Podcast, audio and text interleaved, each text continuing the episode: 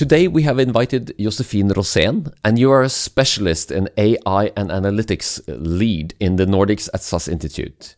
So, since I'm a complete amateur on this one, I, am sure that you can help us to outline some trends that you're watching and some learning points from this COVID 19 period that we see that more and more decisions are made on artificial intelligence. So, Josephine, the word is yours.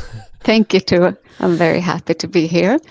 Uh, well, like you say, COVID certainly, uh, for natural reasons, forced us towards online channels, right? And uh, it has indeed speeded up the adoption of digital technologies for several several years, and uh, we see how AI is definitely more than ever seen as a competitive differentiator. And we can also see how AI is increasingly involved in decision making now in all parts of, of the society, also in uh, sensitive areas where, where the decisions can have a very large impact on the individual. And this makes it, I think, more than more important than ever to make sure that we are deploying responsible and, and trustworthy AI. Uh, great. And we will come back to that uh, issues on both the ethics and trust. But uh, you made me aware of that there are some big change, or maybe not changes, but there are some regulations coming that's uh, initiated from the EU, not surprisingly. Uh, and you told me that there is it's risk based approach in their kind of form, form of this, and it's probably being implemented in around 2024 25. So, if you can outline a little bit on this um, introduction of this regulation, please. Yes, like probably most of our listeners also have heard, the European Commission they proposed earlier this year was back in back in April, the first ever actually regulation for AI. And uh, the main purpose of this uh, proposed regulation is to promote trustworthy AI, to improve a positive AI adoption. And uh, Margrethe Vestager, she's she's in the EU Commission. She she says during the press release that on artificial intelligence, trust is a must, not a nice to have. So she's really highlighting how central trust is here. Mm. And EU wants to protect the citizens with this regulation from AI having a negative impact on the individuals in terms of, for example, health and economy and security and, and human rights in general, actually, but also at the same time to try to balance this with keeping uh, competitive innovation.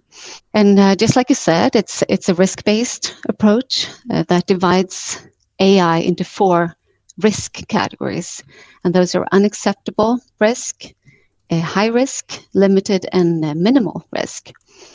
And AI falling under this unacceptable risk category will be absolutely forbidden. It will be banned. And this includes, for instance, AI that is uh, harmful uh, for the end user. AI that is manipulating the user to take actions or make certain decisions, and also real time biometric identification. And that is, for instance, used to enable social scoring that they have in China that you might have heard of, where mm. public authorities use AI to track the citizens and track their social behavior and then give them a score resulting in that they can be excluded from from benefits and services in, in the society.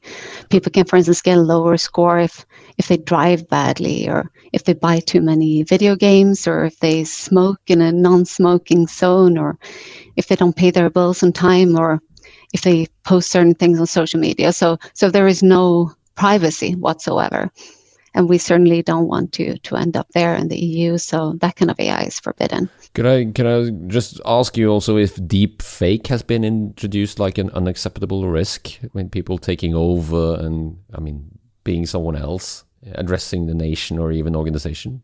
Yeah, I mean that is also a kind of manipulation. I would I would assume, right? So, mm. um, without seeing exactly that being articulated in, in the regulation, it's 118 pages. okay. so I'm, I'm pretty sure that would be an, an unacceptable thing as well, because that is definitely un, go under the manipulation. Mm-hmm. And uh, but there is also minimal risk category, and here we find most AI today. So okay. and uh, and this kind of AI is not affecting the individual at all.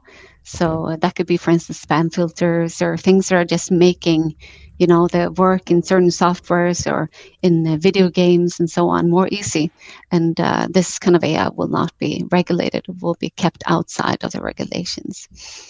And then there is a limited risk category. And here we find uh, things that we often meet in customer service, like chatbots and, and virtual assistants. And the only thing that EU proposes for this category is uh, high transparency. And that is, uh, you know, that the end user must know and understand that it is an AI he or she is talking to so that she can choose to not participate in the conversation. That's basically the only thing there.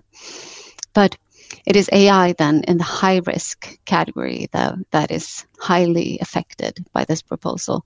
And this includes AI that, that could have a negative impact on the individual and the individual's human rights, economy, or safety.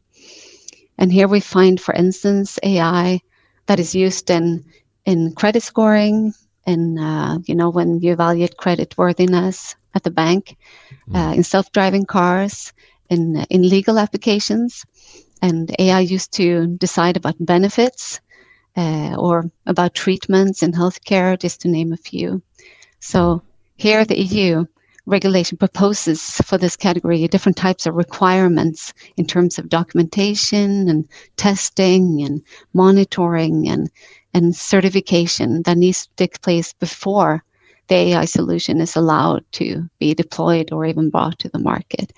So um, they're forcing us to to do a lot of things before to really make sure that when it comes out on the market, it's it's AI that is safe and and trustworthy. And, and are organizations meant to report on this? Uh, yes, exactly. So they're even talking about you know uh, certain institutes or myndigheter in Swedish mm. uh, that that is supposed to control you know that mm-hmm. we we live up to this and where we have to send in um, these certificates uh, of okay. of uh, you know checking all the different requirements. So so there will definitely be a lot of documentation around this, and uh, also you know the nature of of models to keep them um, relevant also over time mm. because you know AI systems uh, they they are based on machine learning, right? So they learn everything they know from data, and data be, are being updated and always related to the world as it looks right now. So the models change over time, and sometimes we notice if we monitor the model, which is also a requirement, that they start to decay and start to not be as as accurate as they were before, then we need to retrain them. And if we do retrain them or change them somehow, we'll need to register them again and document those changes. So there will be a lot of a lot of uh, paperwork, I think, around around this. It's, it's super interesting. And what are your views on this proposal as it is now? Well, I personally I, I see this as a super important a milestone towards trustworthy AI. Mm. And I think uh, we have been looking for a regulation like this for, for many years. And until now, technology has, has been ahead of, of regulations, which is not ideal, of course. And, and the fact that there is now actually a proposal means that this ends up higher up on the agenda already and on the priority list of the organization, which is great. I also like that it is a value driven approach and it, that it's based on human rights. It's extremely good. And uh, but I mean, without claiming to know a lot about law here, there are many definitions that that needs to be clar- clarified. I think before we can put it into action, because a lot of things, when I read it at least, leave a lot of room for for interpretation. For example, they are banning AI that is detrimental to to the end user. Um, but how do you define detrimental? What's the limit of being detrimental and harmful? What does it really mean? And another example is is this very long discussion uh, about uh, biometric real-time identification. If we look, for instance, at um, at real time, the real time aspect, would it be okay if if you added a, a small delay and uh, instead did something in re- near real time? Would you overcome this? And uh, what does I mean identification really mean? Is it social security number and, and an individual, or could we use some kind of segmentation here and sort people in different ways and then overcome this restriction as well? I think we need to, you know, really narrow down the descriptions a lot. And then I guess also the main concern from from the field, from my AI colleagues on the field, has so far been that the proposed regulation could potentially also slow down innovation and uh, that all these requirements, you know, this paperwork and, and extensive documentation, that, that it would become a bottleneck that would result in that it would take too long time for the models to to be put in production. And uh, I mean, of course, it is it is definitely a fine balance, of course, because you would you want to keep the citizens safe, but you also want to make sure that you keep a competitive in- innovation, right? And this Margrethe Vestager during the press release, she emphasized that EU sees uh, trustworthy AI as a force for innovation and also as a competitive advantage over countries such as US and China that are far ahead of us today. And that is because the proposed regulation, you know, will force business models to be based on trust and, and transparency, which, which uh, I mean, US might have some part of it, but China is not a lot into to transparency, as you know. And I definitely agree. And I'm also convinced that it doesn't have to become a bottleneck. We can avoid that. But it will be essential that we realize that responsible AI can never be an afterthought. Mm. It, it lies in the nature of these types of algorithms that it is difficult to fix things afterwards. It all starts with data and uh, machine learning algorithms, which is a key component of these AI systems, they learn per, per definition everything they know from the data that they get mm. available for training. And uh, the more they train, the more the abstraction increases. So we need to make sure that that data is correct and fair already from the beginning. And you will also need to to make sure that you do have capabilities in your AI platform that enables you to to fulfill the requirements that the, this EU regulation is putting on the models so you can fulfill them at every step of, of the AI lifecycle from data uh, to decision. I mean, through modeling, through being able to detect and and uh, also inhibit or avoid bias in data and models, and to be able to monitor uh, the models and the decisions also over time if we have that, I think I think uh, we can embed the requirements in the process and avoid that it becomes a, mod- a bottleneck and and also avoid that the models get outdated before they're even deployed. It was a this long is, answer, but there's no, a lot to say. It, uh, I, mean, I, I wonder, it, it, sounds like a very big, of course, not being very clear yet. There's a lot of work to be done. I understand that. But if this was supposed to be implemented today, where would you start? Where where should kind of organizations start to prepare for these kind of rules that will they will be made somehow? This is the this is the story about all kind of innovation on on on state or in in regions like EU and others. They want to to keep that balance between competition but also regulations. Um, but wh where should we start to prepare ourselves for this? Brave New World. I don't know if you know the quote uh, from Aldous Huxley from 1932. Uh, it sounds like this. You have to regulate it, and then you kind of make this alpha, beta, and zetas. Mm, and now it's here. We have to we have to adapt to this. Where where where should we start? What should we prepare for? Yeah, and it's good. We definitely need to start to start to start with because uh, I think it's it's something that we need to look into already now when it's mm. only a proposal because when it's becoming effective, then we would all need to comply. And not only because it is a high fine, right? We discussed that, you and me, before, that it's 6% of the global annual revenue. That's a lot. Uh, that's yeah. a lot, exactly. Yeah. So you don't want to pay that. and you'll. But but I mean, most importantly, you also want to be. We all all need to take our responsibility here. And and since we we are a software provider at SAS and, and we of course, we have a responsibility to give our customers guidance on how to use our technology in a responsible way. And of course, we can't guarantee that they that they will do so. Just as little, you know, I usually compare this with a car manufacturer that. Mm-hmm. They can make sure that the car have a seatbelt, but they can they, they can make sure the car is equipped with a seatbelt, but but they can't promise that the driver will actually actually use it. Mm. But we can give our customers the tools and the guidance they need in order to be responsible for us. But the car manufacturer can also put a, a stop function in their car if they wanted to, not just a yeah. kind of annoying alarm clock, but they could not being able to start the car. They could do that. Yeah, that's right. So and I have no idea why we don't do that. Yeah yeah, but it's probably because it came from uh, not so long ago. You, it was voluntary. Uh, back in the 1960s, you could choose to use a seatbelt. Luckily, it's we are not there. But I think this the development that we are talking about, the the forces in it, and as you wonderfully said, the technology has been ahead of regulations for so long. Do you think that that's possible to close that gap, or will it just continue? Because that's in the nature of innovations and technology driven innovations. I, th- I think this regulation will help us close the gap in many ways. So. Mm-hmm. Uh, at least that's what I'm hoping, and yeah. I can also see I can also see how how we can do that. And I mean, you asked me where we need to start, and when when I talk to customers about this, I I usually center around four main main bullets.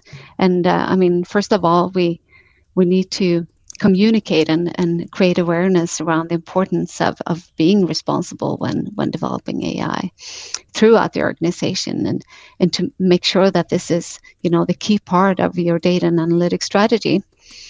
And some cons- customers I've talked to have created like like a checklist that all applications mm-hmm. need to pass before you start using using it in a business context. Mm-hmm. So awareness is one thing I think that will help close the gap.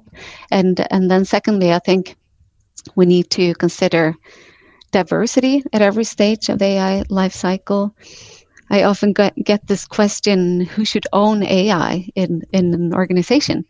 And um, I believe that it's not one person that should take care of that. It has to be a team effort because with a team, especially if you make sure that your team res- represent as many aspects of, of diversity as possible, like gender and age and knowledge and background and, and skills and culture and so on, then you can avoid that individual biases are and prejudices are being reflected in the data.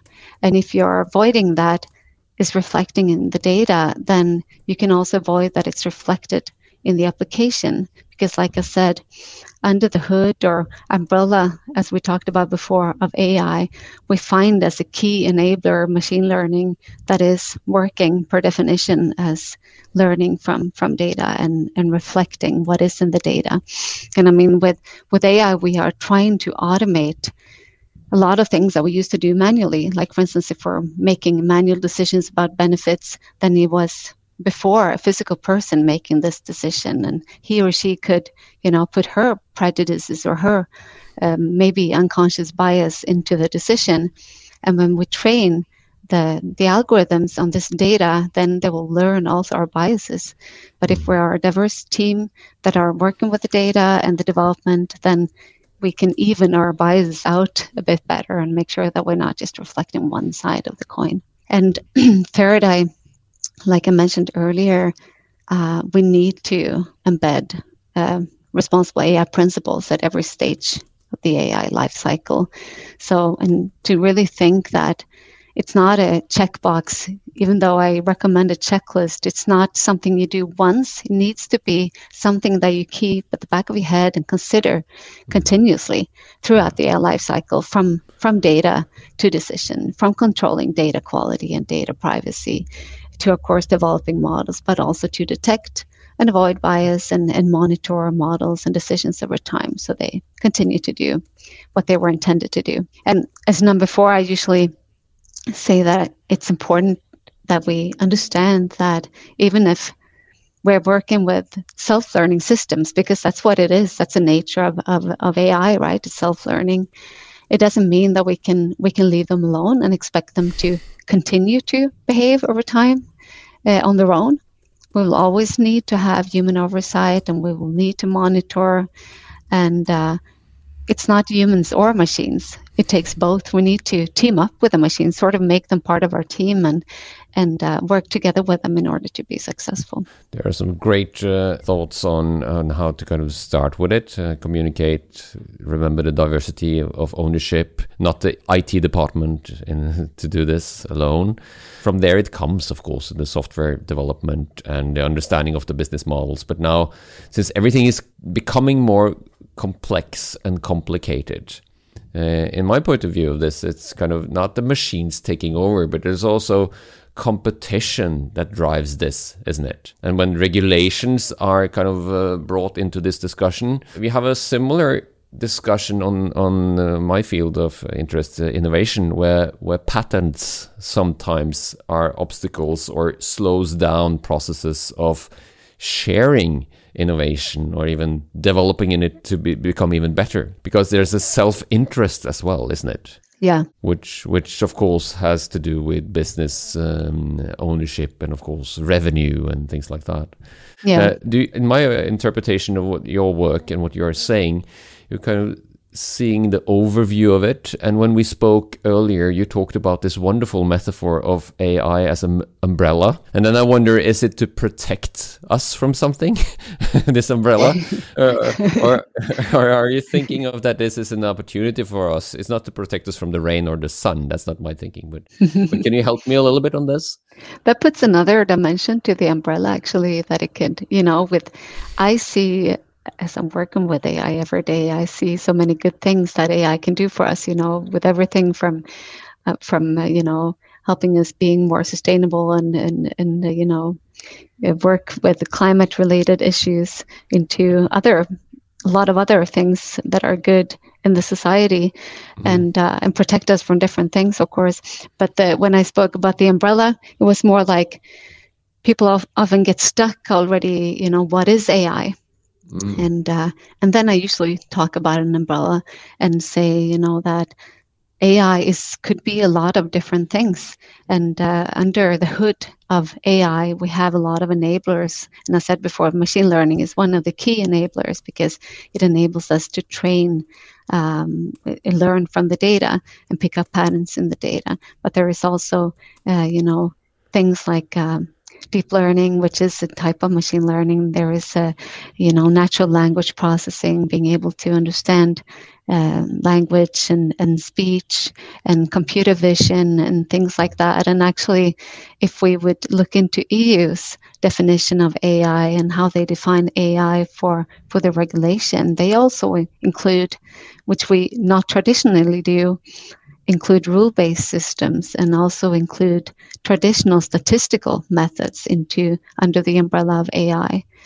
And that is another thing that has, you know, been pushed back a little bit from the field that the definition for AI is a little bit too wide at this point because I mean the the danger doesn't really lie in the rule based models and, and in the traditional statistical methods. It's more the, the risks as we see them are when when we're training things when when when the algorithms are learning things on, on their own uh, and we don't know exactly where it ends up. But so so that is what i'm talking about the umbrella. But that's actually a good addition to to uh, the umbrella metaphor. Thank you. Thank you. Thank you. I love the fourth uh, bullet point of yours where we are we have to remember that we can't leave those systems to operate on their own we need to keep an eye on them. And of course, they are supposed to learn by kind of implementing new knowledge and then change and adapt and all these things. Of course, not knowing anything of the good thing, uh, I, I have heard about the good things and opportunities, but I, I fear, of course, a lot that the machines will take over or the logic of the machines. And, and then you need to know the ethics of the programmers. mm, yeah, exactly. Uh, and then we, then we can quickly talk about bias and because they're, in the early stage of AI, there there was a numerous of, of softwares that had to be drawn from the market because it simply didn't fit the net because it the it was programmed by mostly men at a certain mm-hmm. age with some profiles yeah. that only matched themselves, of course. Mm. Yeah, exactly. Yeah. The, the the data and the, the team behind the application needs to reflect the intended end users. Yeah. I usually yeah. say, you know, if you train an algorithm based, you know, based on, for instance, uh, data from only white middle-aged men, then the, your best population to or the best population of users would be white middle-aged men. But if you have intended to have a larger scope of the application to maybe to be used on the whole population, then you need to also increase your scope of, of the data and, and uh, the team of developers. And everyone that are, are working on this know this now, don't they? Yeah, yeah, yeah. I mean, um, you, you would hope they do. Uh, but I still feel that this is something that we often have to discuss, anyways. Yeah. Uh-huh and that comes also to I think I've been working with numerous startups on the also on the technology scene, and unfortunately, still there is uh, middle-aged men, maybe not as the programmers, but often the ones that represent the money as the investors, and then that will also, of course, have an impact on uh, on the speed and the eagerness of solving potential future I mean not problems but ways of making money. So so what I'm wondering now uh, try to kind of come, come to my question is when you SAS Institute guide companies and business leaders on kind of choosing the right approach and strategy. Is it those four bullet points that you are kind of trying to to learn them or is there other things as well? No I mean it is in in large the four four bullet points of course but then i mean we're a software provider right? So we have capabilities spanning the the whole ai lifecycle uh, that that could help them also do these things. Of course we also tell them more in detail what they can do and need to do at every stage. And uh, i mentioned some but i mean the most important thing i guess is if if uh, if to gain someone's trust you also want to and also to dare to take responsibility for something, it will be important that you can understand how the system works and how the system makes its decisions. And uh, I mean, many companies are today afraid of using AI machine learning because they see it as, as a black box. Uh, uh, and I mean, machine learning algorithms are indeed very complex by, by definition. They're usually referred to as black box. And for example, a deep learning algorithm can be defined by millions of parameters and and of course it doesn't really create any trust or even makes any sense if if you put a million parameters in front of someone that is asking for a more comprehensive explanation. But one key thing i think that you now found, find in most platforms is you know different methods available to do this explanatory work for you in a comprehensive way.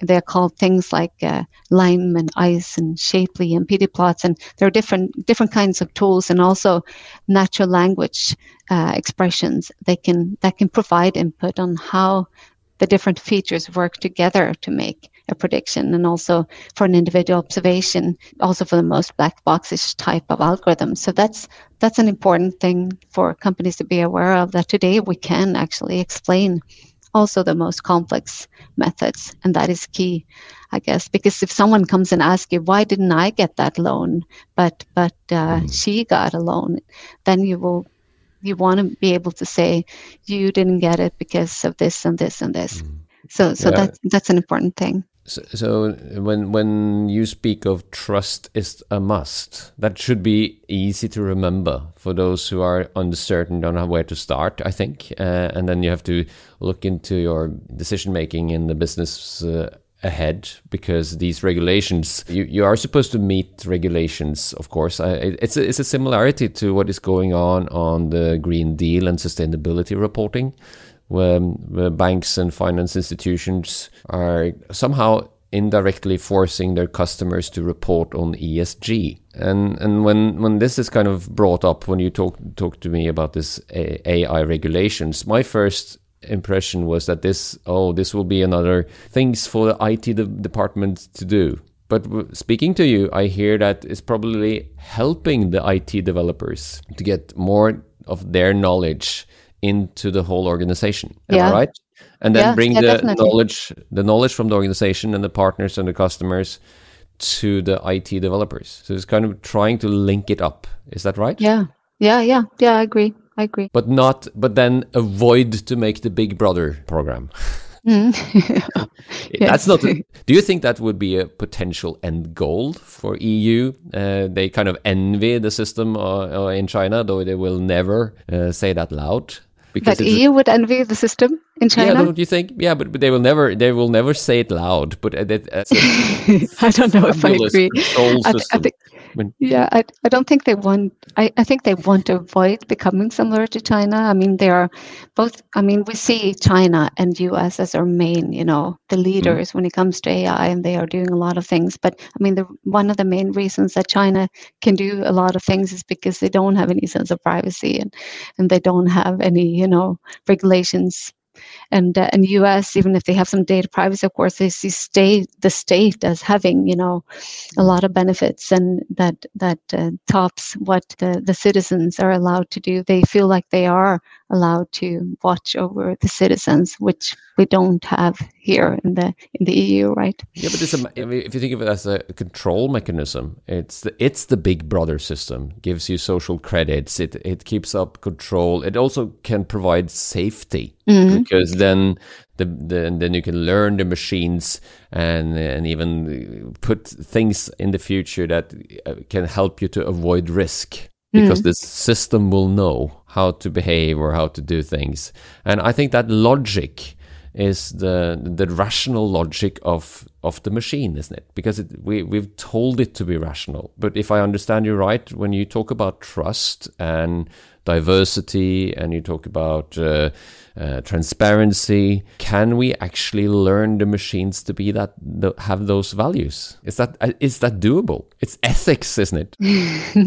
I think. Uh, I mean I I don't believe in a you know AI becoming a super intelligence or anything like that, but I think that we can, the machines can definitely improve, and as long as you know it is in the data, then uh, and we there's also you know something called reinforcement learning, so we can sort of learn learn them to be more ethical through the data and through you know t- teaching them different things uh, I think uh, it's, I mean, if I would look at AI like 50 years from now or so, I would think that, you know, they are more human like and, and, uh, and also with the, the progress of, for instance, computer vision, they can probably most likely interpret facial expressions and, and, you know, also improve the natural language uh, conversation part of their skills, making them more human like but uh, I don't think they will ever come close to being human. I think it will always be important for for men and machine sort of to work together.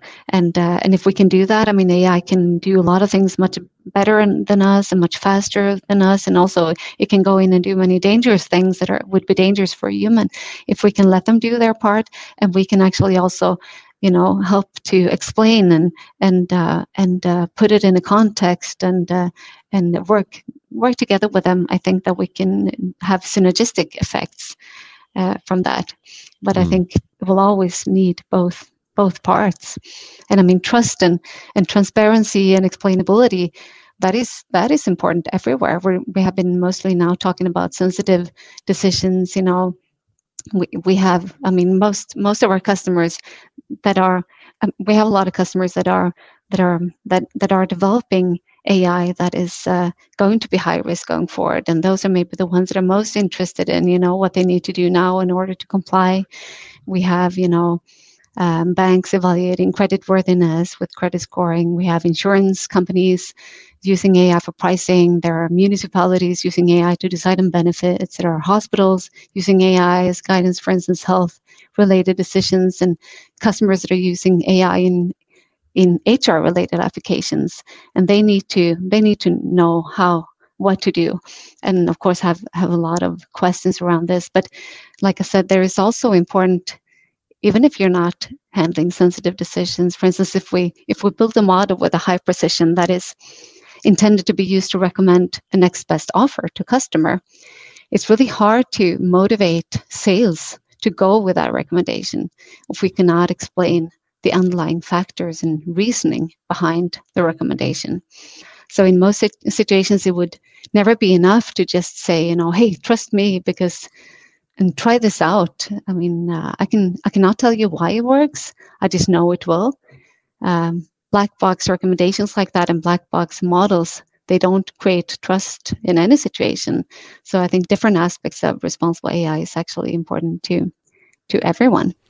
I'm and I'm so glad that you are trying to open the black box for us here, Josephine, because that's really. I mean, it's ne necessary that we do it, and we need to have more knowledge. I, I have. I'm the first one to acknowledge that I'm. I'm skeptical about uh, the speed and uh, the super optimism of machines doing these kind of evaluations super quick based on something that we don't know what it is. And if you try to, if you ever tried to ask for those kind of um, uh, reasons, either if it's a credit card or if it's uh, worse, your health at stake. I think we need to have that transparency, and I'm I'm I'm certain of that. Uh, Rachel Botsman will be very happy that we spend half of this podcast talking about trust because it's yeah. underlying here, and we need to we need to develop those words. Uh, and, and and as for me, listening to you, a good start has to be those four bullet points of yours of communication uh, ownership, responsibility principles, and this kind of don't leave those systems by themselves. Am I right? That's a good yeah. summing up, isn't it? Yeah, definitely. And maybe I would also like to to ask you. I mean, you say that you think AI is a little bit scary and, and yes. so on. Knowing that it knowing that it is regulated and that we actually put the regulation in place to make sure that it's controlled and that it's not doing any harm, wouldn't that make you trust AI better and also be more eager to to use AI? Absolutely, and I think that goes for uh, not all of us, but more, more, those that haven't been kind of into this discussion and knowing that AI develops not only from the interest of the producers. Like this discussion, I've been I've been a lecturer for many years, and we try to when we have ethical discussions with students, we kind of throw them into this utilitarian dilemma. There's a self-driving car and it has to make a, a, quick turn to not kill one person, and it can drive up into the pay, pave wave and kill five. What what do, what does that self-driving car do? Uh, and then you can get start to have a discussion, and you have to you have a kind of different arguments, but it only takes a flash of a second, and that car has to decide. Exactly. Uh, and those kind of discussions are really I mean, it's it's uh, it's so hard to find one solution to those kind of things. It's a dilemma. It uh, is, uh, and it will be for, for many many years. Yeah, and then when, and then if you think of regulations, then after five years or ten years has given us proof how this car have to behave based on evidence. That's probably the, the concern I have because we need the evidence to give that perfect ethical guideline for that car and it's also a cultural thing so it's hard to you know yeah of course. Different countries they would choose to run into the old woman and some countries they would choose to run into the wall or hit the kids you know it's um or explode. I mean that's also Ex- exactly. yeah. they're different different exactly exactly. But but but you're absolutely right. Your, yeah your question is really good because the, the knowing that there is an eu regulation uh, happening now, and and you guys are working on it, and others will of course uh, be interested in chipping in their views on this. Is really good, and also for all of us that are consumers or users of all these systems. Sometimes we don't know it's a machine doing the process. Uh, we are we just have to step up our games. We need to know more about this, learn more, and be more curious. Exactly. That's Curious. my summing up of this. I learned a lot from this uh, conversation. Thank you very much. And trust is a must. I need to remember that. Yes, not a nice yeah. to have, she says, Margaret Vestager. exactly. And I, I, for sure trust you. I don't know why, Josephine, but others can make their own decision on the AI development. But uh, thank you for the talk. Thank you so much. It was a pleasure. Satt utrolig stor pris på om du abonnerte og gir oss en tilbakemelding i avspilleren. Spre gjerne ordet videre til andre ledere som er lidenskapelig opptatt av ledelse, strategi og innovasjon. Mitt navn er Tor Haugnes. Sammen er vi all in med Oslo Business Forum.